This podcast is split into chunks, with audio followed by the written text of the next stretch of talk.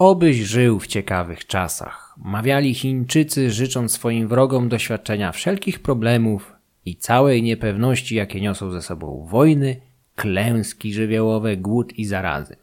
Nasi przodkowie często byli świadkami wszelakich epidemii, tyfusu, dżumy, cholery, grypy hiszpanki oraz innych. Ich wiedza bardzo często nie pozwalała na jakiekolwiek naukowe wytłumaczenie genezy epidemii, stąd też tłumaczyli ją sobie w taki sam sposób jak wiele innych zdarzeń. Najczęściej zwyczajnie zwalali winę za całe zło na barki demonów, czarownic bądź sił wyższych. Na polskiej wsi winę za wszelkiego rodzaju choroby obarczano diabły i czarownice, a w dalszej kolejności upiory, demony powietrzne, mamuny, zmory bądź specjalne demony odpowiedzialne tylko i wyłącznie za roznoszenie chorób. Już staroruska kronika Nestora z 1092 roku mówi o najeździe niewidzialnych demonów, które przyniosły zarazę mieszkańcom Połocka. Dawne polskie źródła pisane mówią o tak zwanych morowych dziewicach, których pojawienie się było zwiastunem nadciągającej epidemii. Morowa dziewica najczęściej przybierała postać młodej, wysokiej, chudej i nadzwyczaj bladej dziewczyny ubranej w pogrzebowy całun. Dziewica taka mogła nieść na ramieniu płachtę, a z niej rozsiewać wszelkiego rodzaju chorobotwórcze zarazki. Po przejściu delikwentki na całą okolicę nadciągał tak zwany mur – Sporadycznie morowica mogła przyjść pod postacią kościstej staruchy przybranej w biały całun lub plugawą płachtę przerzuconą przez ramię. W wierzeniach dawnych ludów Europy kolor biały nie był kojarzony z czystością, niewinnością, tak jak ma to miejsce w obecnej kulturze ukształtowanej przez chrześcijaństwo. Biel była najczęściej kolorem śmierci. Zakładano ją jako szaty żałobne. W niektórych regionach demon moru połączył się z demonem śmierci. Taka morowica przychodziła nie wiadomo skąd i ściskała człowieka na wnętrzu, jak podawali etnografom ankietowani świadkowie z województwa lubelskiego. Taki zaduszony przez morowicę człowiek siniał po śmierci. O ile normalną chorobę człowiek był jeszcze jako tako w stanie zaakceptować i wytłumaczyć naturalnymi przyczynami, o tyle zarazy i epidemie zawsze były kojarzone z działalnością istot nadprzyrodzonych.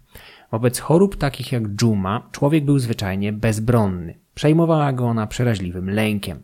Weźmy na przykład tyfus, który zaatakował Ateny podczas wojny peloponeskiej albo dżumę dymieniczą, atakującą Europę wielokrotnie, ale najmocniej w VI i XIV wieku. Podczas dwóch największych ataków dżumy wymierały całe wioski. W skali kontynentu umierało 30% populacji, a w zatłoczonych metropoliach takich jak Konstantynopol zarządów cesarza Justyniana nawet 40% mieszkańców. Mając na uwadze powyższe liczby, nie powinniśmy moim zdaniem podchodzić z lekceważeniem do uczuć, jakie wyrażali nasi przodkowie wobec tego typu katastrof. Personifikacja malarii jako demonicznej zimnicy wcale nie leży tak znowuż daleko od naszych prób wytłumaczenia nowotworów działaniem nanorobotów, Mossadu bądź deprecjonowaniem wszelkich szczepionek. Tłumaczenie zarazy jako efektu działalności wiedźmy, kary za grzechy bądź sprawki miejscowych Żydów pojawiały się nagminnie do XVIII wieku włącznie. Tego typu przesądy zaczęły zanikać w wieku nauki, jakim było XIX stulecie. Gwałtowny rozwój wielu dziedzin wiedzy, w tym również medycyny, zdjął nieco ciężaru z barków Żyda i miejscowej czarownicy. Pomimo tego ciągle pojawiały się pomówienia o czary i wywoływanie chorób. Jeszcze pod koniec XIX wieku w Konopnicy dotkliwie pobito dwie stare kobiety oskarżone o wywołanie epidemii tyfusu. Delikwentki prawdopodobnie zostałyby zabite, ale dzięki interwencji lokalnych władz odesłano je do Kalisza, gdzie umieszczono je w przytułku.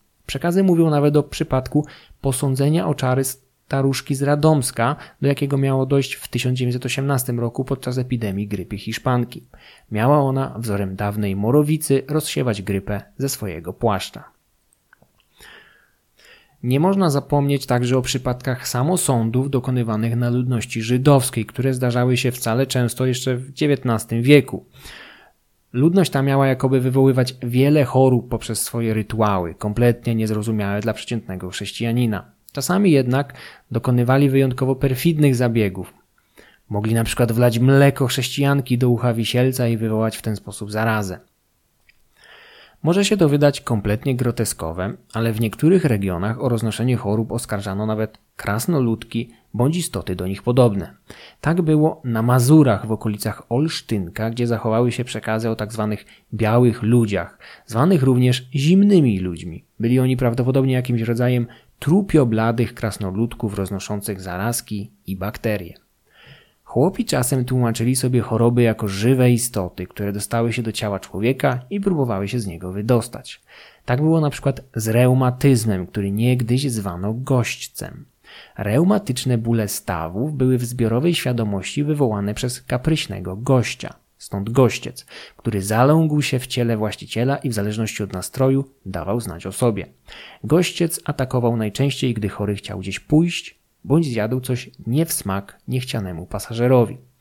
Podobnie tłumaczono sobie choroby takie jak rak, który nie bez powodu w wielu językach nosi nazwę występującego w zbiornikach wodnych skorupiaka. Nowotwory były więc żywymi organizmami, starającymi wydostać się na zewnątrz z ciała żywiciela. Brzmi niczym scenariusz kolejnego, 28 filmu o przygodach obcego na pokładzie Nostromo. W Mielniku nad Bugiem choroby roznosiła jędza przychodząca do ludzi z lasu z workiem pełnym zarazków, niczym nieszczęsna Pandora ze swoją przeklętą puszką. W okolicach Poznania wierzono, że mur przylatuje z powietrza, skrzydłach nietoperza. Choroby, nieszczęścia, śmierć. Wszystko to prędzej czy później dotykało i nadal dotyka ludzi na całym świecie. Wszystko to jest w jakiś sposób częścią naszego zbiorowego ludzkiego przeznaczenia. Warto zauważyć, że ta dziedzina życia również nie pozostała niezagospodarowana przez istoty z pogranicza snu i jawy.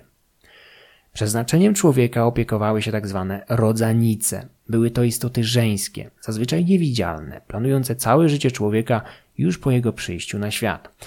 Zasięg wierzeń w rodzanice jest nadzwyczaj rozległy, gdyż wierzyli w nie Finowie, Gruzini, syberyjscy Ugrowie, Grecy, Rzymianie, Germanie oraz cała masa innych nacji. Grecy znali rodzanicę pod nazwą Moir, podczas gdy Germanin zwracał się do Norn. Rodzanice miały jakoby wyznaczać długość życia, zamożność oraz rodzaj śmierci nowonarodzonego dziecka tuż po jego przyjściu na świat. Ich wyrok był bezdyskusyjny. Niewidzialne istoty pojawiały się u wezgłowia dziecięcej kołyski tuż po narodzinach, najczęściej po trzech dniach. Według niektórych tradycji były nieco bardziej opieszałe i zjawiały się dopiero po tygodniu. Rodzice nowonarodzonego specjalnie przygotowywali na tę okazję izbę, kąpali dziecko, a czasem jego matkę. Kolację jedzono tego wieczora wcześniej, a następnie czuwano do północy.